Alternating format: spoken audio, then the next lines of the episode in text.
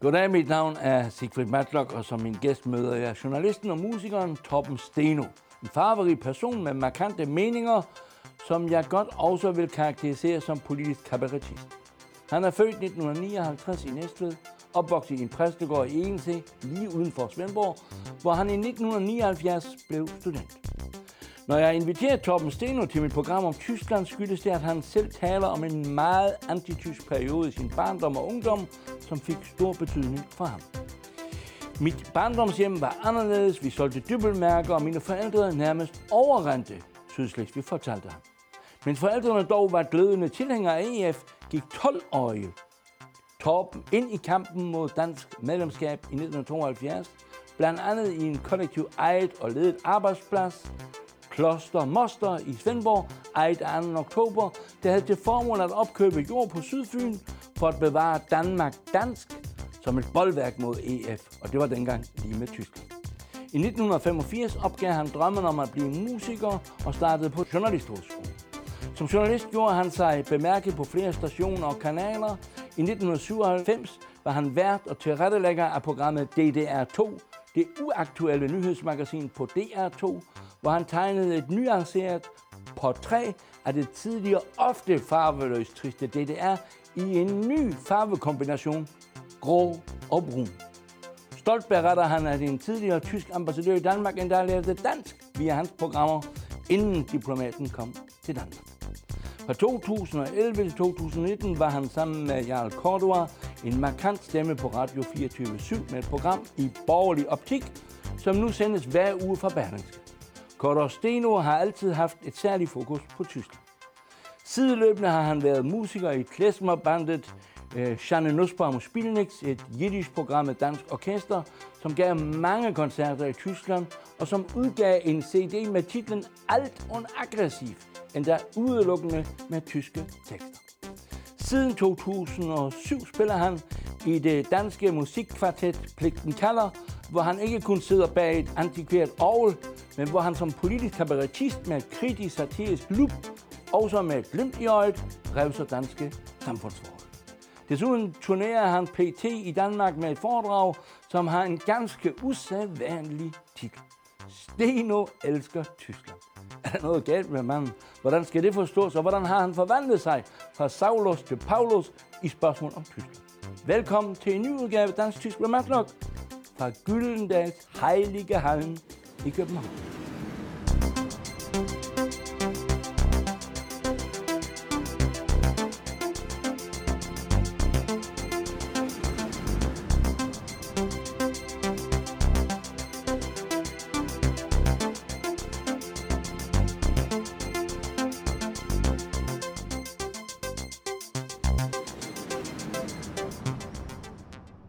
Toppen af Steno. I 1969 var der en tysk uh, formandspræsident, en socialdemokrat, han hedder Gustav Heinemann. Og da han blev valgt, uh, spurgte man ham, elsker du Tyskland? Og han sagde, jeg elsker ingen stat, jeg elsker kun min kone. Mm. Nu går du ud og turnerer med, under overskriften, Steno elsker Tyskland. Uh, og så med den baggrund, du har haft, øh, som jo var alt andet end øh, elskværdig over for Tyskland. Hvordan?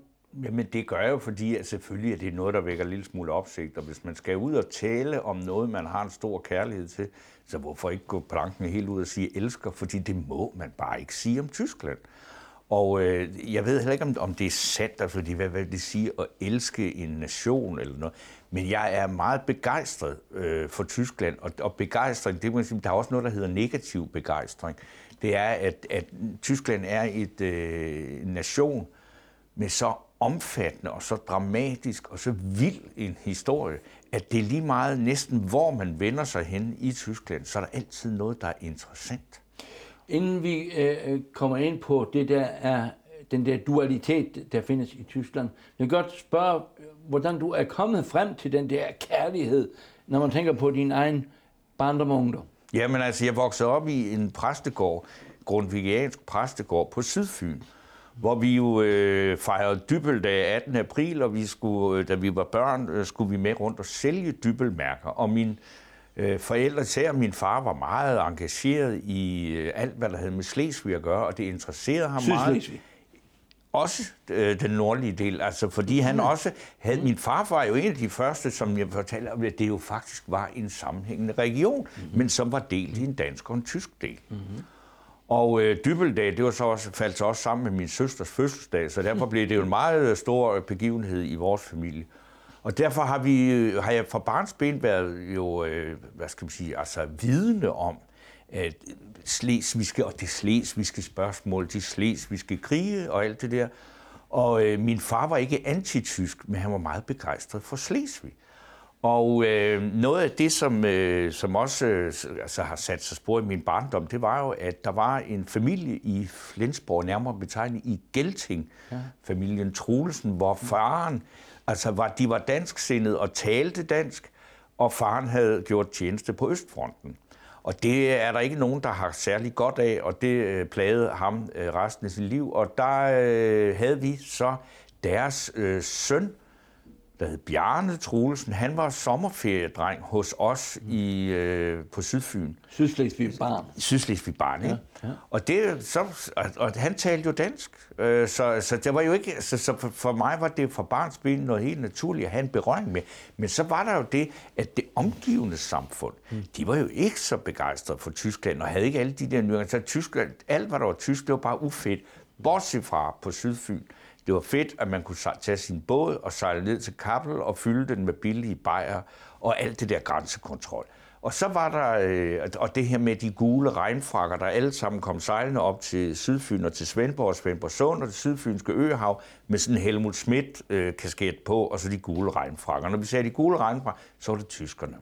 Og så var det den, den der sådan, øh, lidt mere nuancerede indgang til Tyskland, den holdt man så sådan lidt øh, på afstand af, når jeg var ude øh, blandt øh, kammerater og sådan noget. Fordi på det tidspunkt, der snakker vi jo altså i 60'erne, eller cirka samtidig med det citat, du kom med fra 69, altså der var det ikke, der var det ikke kom il få at sige noget pænt om tyskere. Og så kom der jo oven, det, oven i, at, at øh, man havde et, et, splittet forhold til, til Tyskland, for nu at sige det sådan, vi taler her om Vesttyskland. Østtyskland, ja, ja, ja, Østtyskland, Østtyskland er sådan en helt anden historie. Helt, helt nok, ja. Så, så vil jeg sige, så kom der jo noget oveni, og det var jo modstand mod EF. Ja. Eller som tyskerne dengang sagde, EVG einer wird gewinnen. Det siger de jo ikke mere i dag. Nej. Men, men, men det der med EF-modstand, det var jo også noget, som du blev ja. meget begejstret for. Altså, ja, det var... Som 12-årig. Jeg, jeg, jeg skulle sige, altså afstemningen ja. fandt sted den 2. 72. oktober, den 2. oktober mm. øh, 72, mm. og mm. den 1. oktober 72, der fyldte jeg 12 år. Mm. Så altså, jeg havde jo ikke den store indflydelse på øh, resultatet, men øh, med alt det, der var øh, i, i, i tiden, så var det jo klart, at jeg var, der, øh, jeg var jo altså bagskiden af 68'erne og alt det der. Så øh, den der politiske vækkelse, jeg havde jo billeder på mit værelse af formand Mao, og, øh, og så var det jo klart, at så måtte man jo gå ind og øh, deltage aktivt i bekæmpelsen af det monster imperialistiske foretagende, som øh, danskere lå sig snyde og lokke ind i på grund af noget med nogle flæskepriser og sådan noget. Og der blev jeg så også øh, af folkebevægelsen udnyttet til, øh, fordi det kan man jo altid gøre med de små børn, sende dem rundt og dele propaganda ud. Og det gjorde jeg så med stor glæde. Men øh, så vil jeg så også sige, at, at bortset fra den ene afstemning, hvor jeg ikke kunne stemme, så har jeg faktisk øh, været mm-hmm. ret positiv siden øh, ved alle andre afstemninger. Må jeg i den forbindelse sige, at nogle år efter 72, øh, ja. som jo blev et klart ja øh, i, i Danmark, øh, kom der jo en sang fra Sebastian. I 1975. Som, ja, jeg tror, det var sent, men... 76. Lad, lad det ligge. Sebastian, som jo født i, i, i Sønderborg, som øh, skrev en, en sang, der hed Danmark dum og dejlig, og hvor han taler, eller skriver at, og synger, at øh, den danske døs, øh, danske øh, øh, øh, kvinde vågner op øh, fra sin døs og bliver bollet ja. af tyske dollars. Jamen det er fantastisk. Altså han er jo en stor kunstner, fordi hvem andre end ham kan få skrevet noget grimt, både om tyskere og amerikanere i en sætning, vil jeg sige, er du bollet op med deutsche dollars? Ikke? Og det, hele det der venstreorienterede mm. segment, altså som jeg selv mm. tilhørte, de var fuldstændig henført over, hvor stor kunst det var. Ikke? Han synger også øh, i, i sangen om Europahæren, der mm. futter af, mm. og vejen frem er lagt for andre fødder. Mm. Det er jo simpelthen nærmest at, til, altså, at insinuere en form for invasion. Mm. Øh, og, øh, altså, det var jo så tider, hvor der fandtes et Strauss endnu. Jo, jo, jo, jo, et, et, men, men det er meget, meget, meget bombastisk. Ja, ja, men det, der er jo interessant ja, også ja. ved Sebastian, det er ved det sidste mm. Europaparlamentsvalg. Ja. Der figurerede Sebastian stadigvæk på øh, Europa, altså, hvad hedder det, folkebevægelsens propagandamateriale. Ja. Så det er jo ikke, fordi han har nuanceret sit øh, synspunkt åbenbart særlig meget. Og jeg har så altså, haft meget glæde af den sang også her i moderne tider, mm. hvor jeg har optrådt med den, hvor jeg så ligesom prøvede at sige, skulle der ikke være et fjerde vers? Mm og der sang jeg så, og, og, og, og hver gang jeg har sunget den et eller andet sted, så sidder folk sådan, ej, hvor er det dejligt, især hvis de er sådan over 60, ikke? Og det sådan helt henført, ej, det er sådan en smuk melodi, og hvor er det dog godt, og, og, ja, og så har jeg nogle gange introduceret og at den burde jo egentlig synges i duet med Søren Espersen eller Christian Thulsen Dahl, øh, fordi det er jo bøgegrene, mm. det er Dannebro, der bliver, der, alle dansk folkepartis symboler er der i. Og så var jeg så skrevet et, et, et enkelt vers, der så starter med at sige, og når jeg står ved Gæsser fyr og kigger ned mod DDR, og så pludselig så reagerer folk, hey, der er noget galt.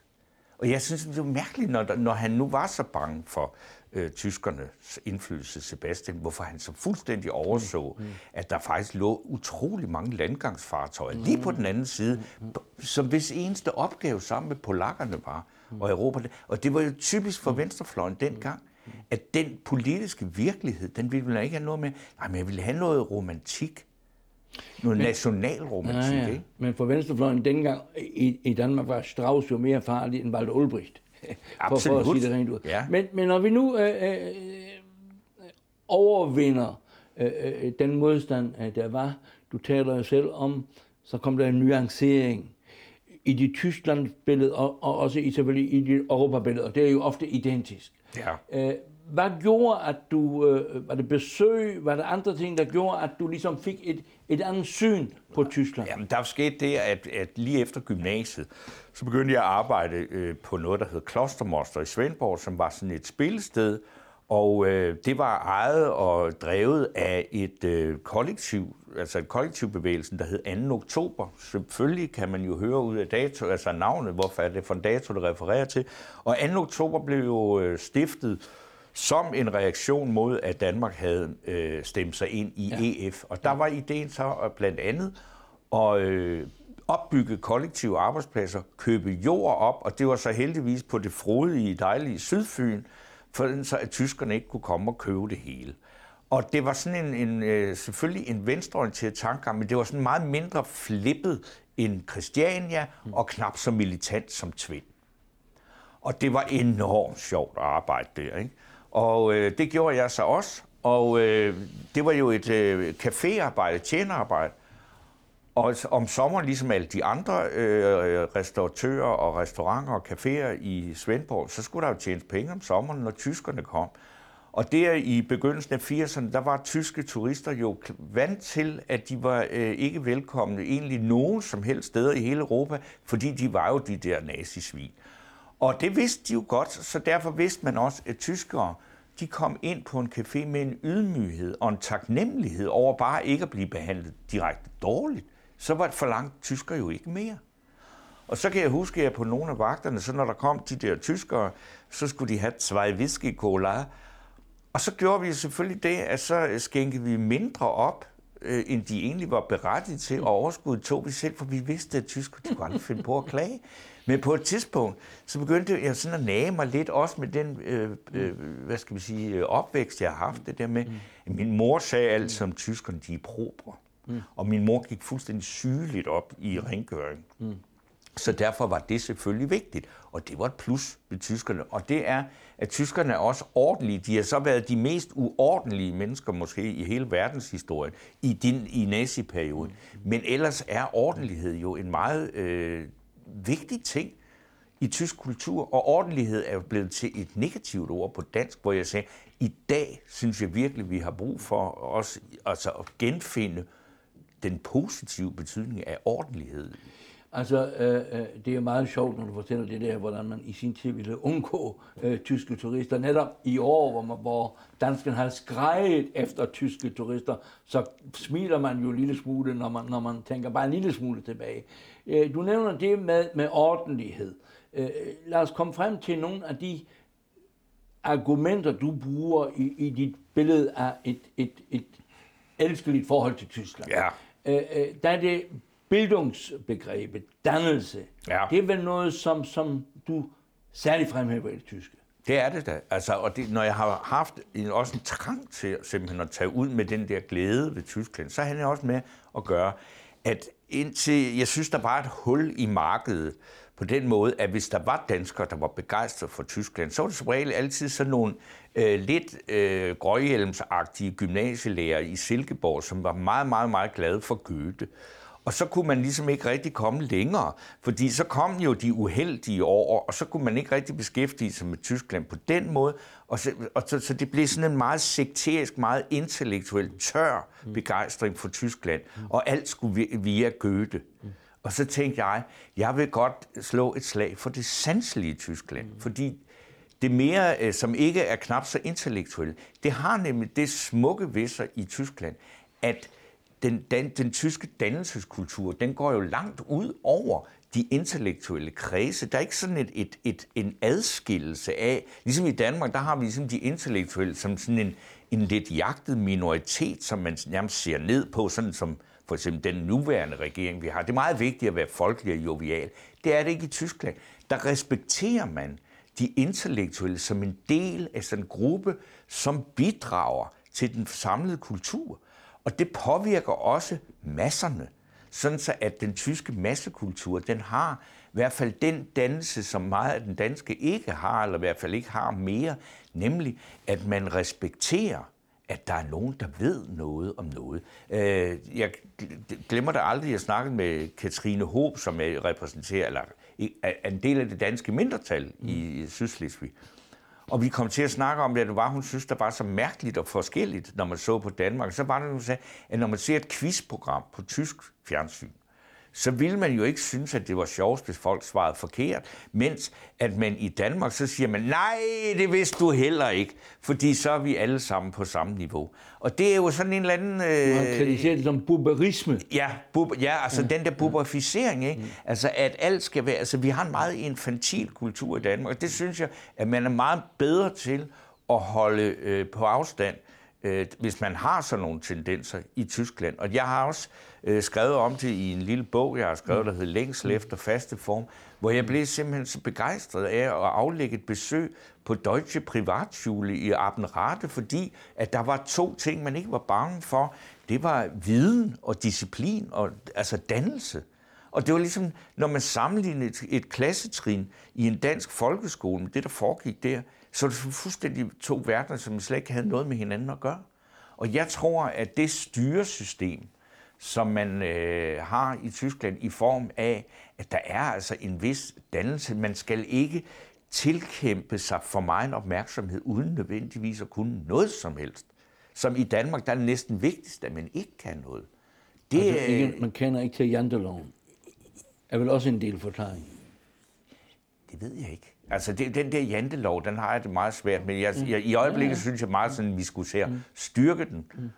øh, det, det synes jeg faktisk, fordi der er så meget premiering af talentløshed. Torben, ind, inden vi øh, kommer ind på, på de der med de nuancer øh, i det genforenede Tyskland, vil jeg godt tilbage til, vi må ikke glemme Østtyskland. Nej.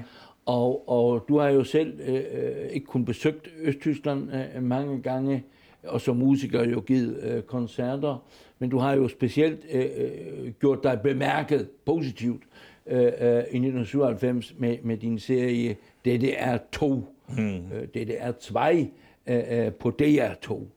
Øh, og øh, der kommer du jo til det resultat, at, at øh, den der øh, sande socialisme, øh, øh, som skulle realiseres i, i Østtyskland, øh, den havde i og for sig, efter din mening, en farve grå-brun. Ja. Hvordan kunne du øh, finde på sådan en farvekombination, når du skulle forklare Jamen, det? jeg kan det huske det, jeg kan huske, at jeg sagde til, altså bare for sjov sagde, at hvis jeg synes, at Østtyskland skulle have haft deres eget flag, og ikke bare altså den med, med passeren og det der, altså i, på, den, på de tyske farver, så skulle det være sådan en trikoloren i brun og øh, gråt og beige. Fordi det var de farver, der var der.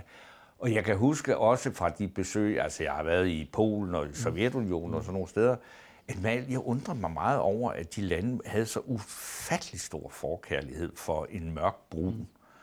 Øh, indtil så faktisk også kom til, i 70'ernes Danmark var der godt nok også meget, der var brunt her, men dog knap så meget. Og så var der, og jeg spurgte enormt mange steder, hvorfor. Indtil der var en, der sagde, jeg kan ikke sige, at jeg har undersøgt sagen til bunds, men jeg tror faktisk, det er, at hvis du tager alle de malerrester, du har stående og hælder dem sammen et sted, så er det næsten den samme proces, som når et menneske spiser et farverigt måltid, så ender det i den samme farve. Og derfor er der nok af den som den eneste.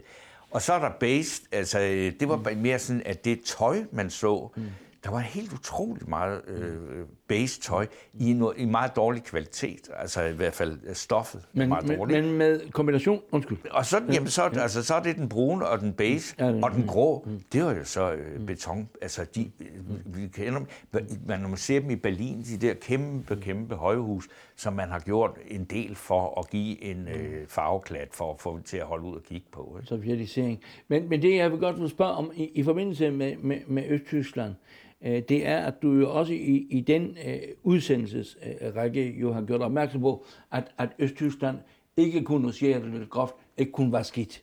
Øh, der var også noget, som, som, som øh, jo også befolkningen, der i dag du er stolt af.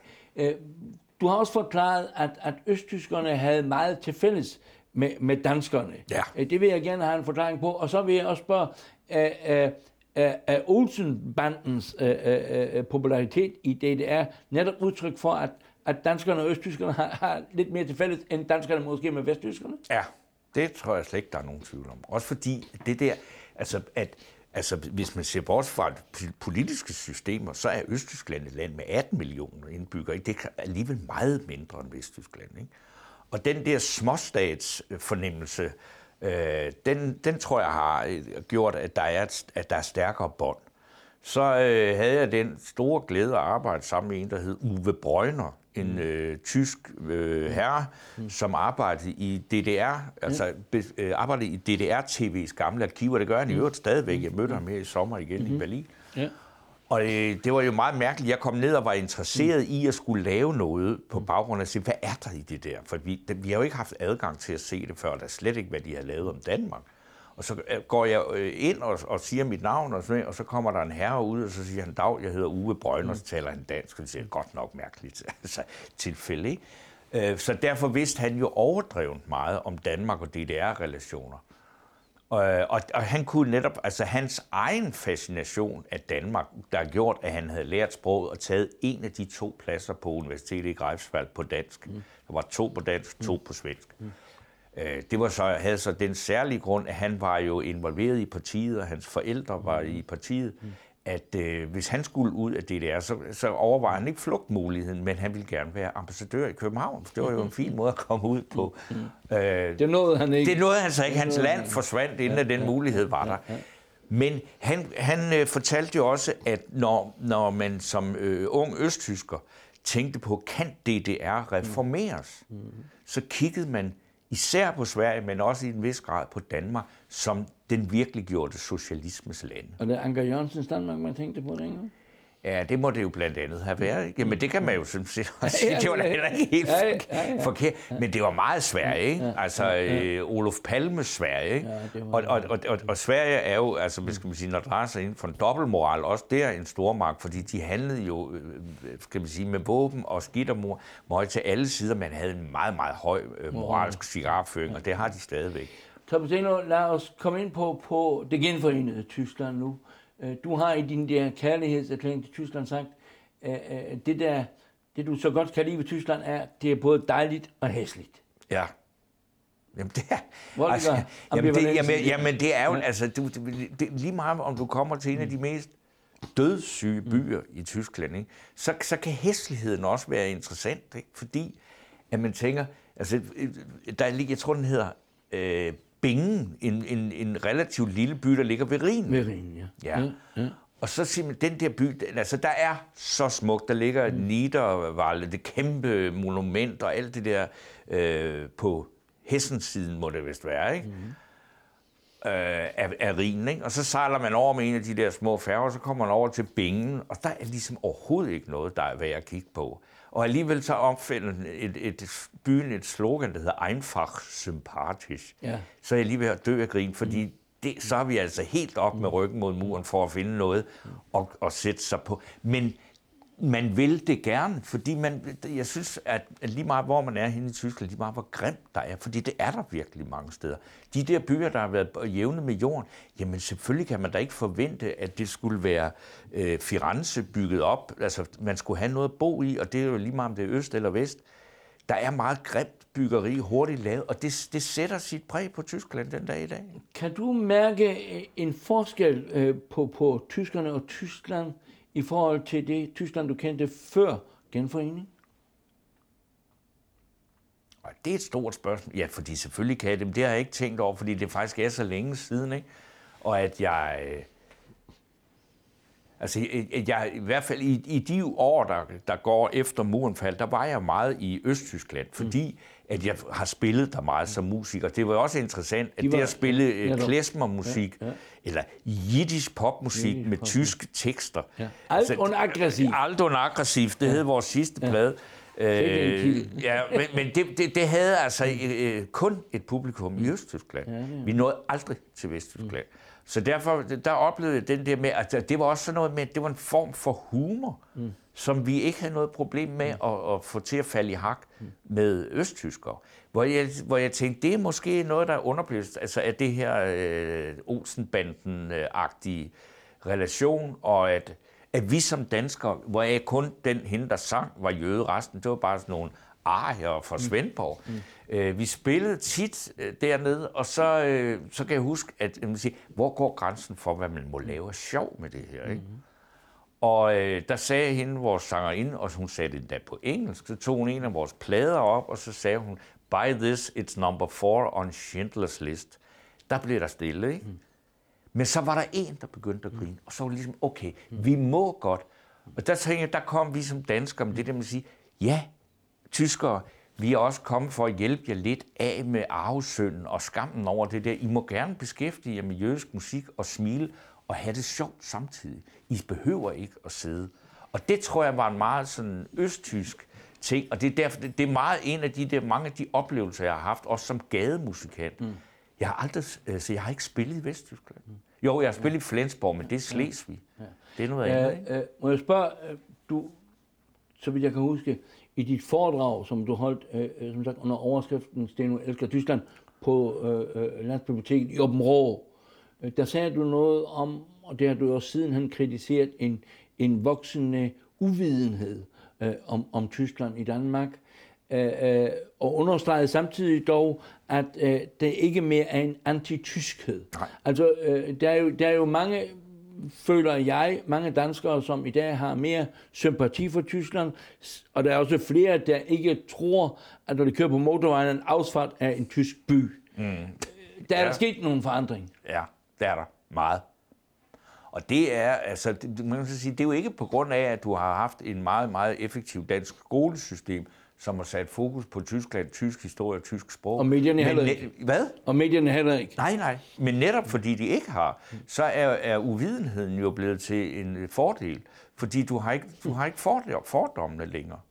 Du, du, mange unge mennesker er jo helt uden nogen som helst, øh, hvad skal vi sige, forbehold over for Tyskland. Og det er bedre at, at være uvidende og ikke have fordomme. Ja, det, hvis det drejer sig... Ja, det synes jeg, det er. Altså, så kan man sige, så, så er der jo et stort stykke arbejde nu mm. i at gøre noget for at få det tyske sprog og den tyske kultur til igen at blive en del af, mm. af Danmark på en øh, professionel måde også, fordi jeg var til en af de her øh, konferencer, hvor vi er Tordenskjold soldater, der snakker om de her tysk, dansk-tyske problematikker, og så sidder der to øh, unge kvinder, og deltager to tyske kvinder, taler glimrende dansk. Det er nogen, som er blevet hyret af bestseller, for de kunne ikke finde nogen, øh, som kunne, altså danskere, som kunne tysk.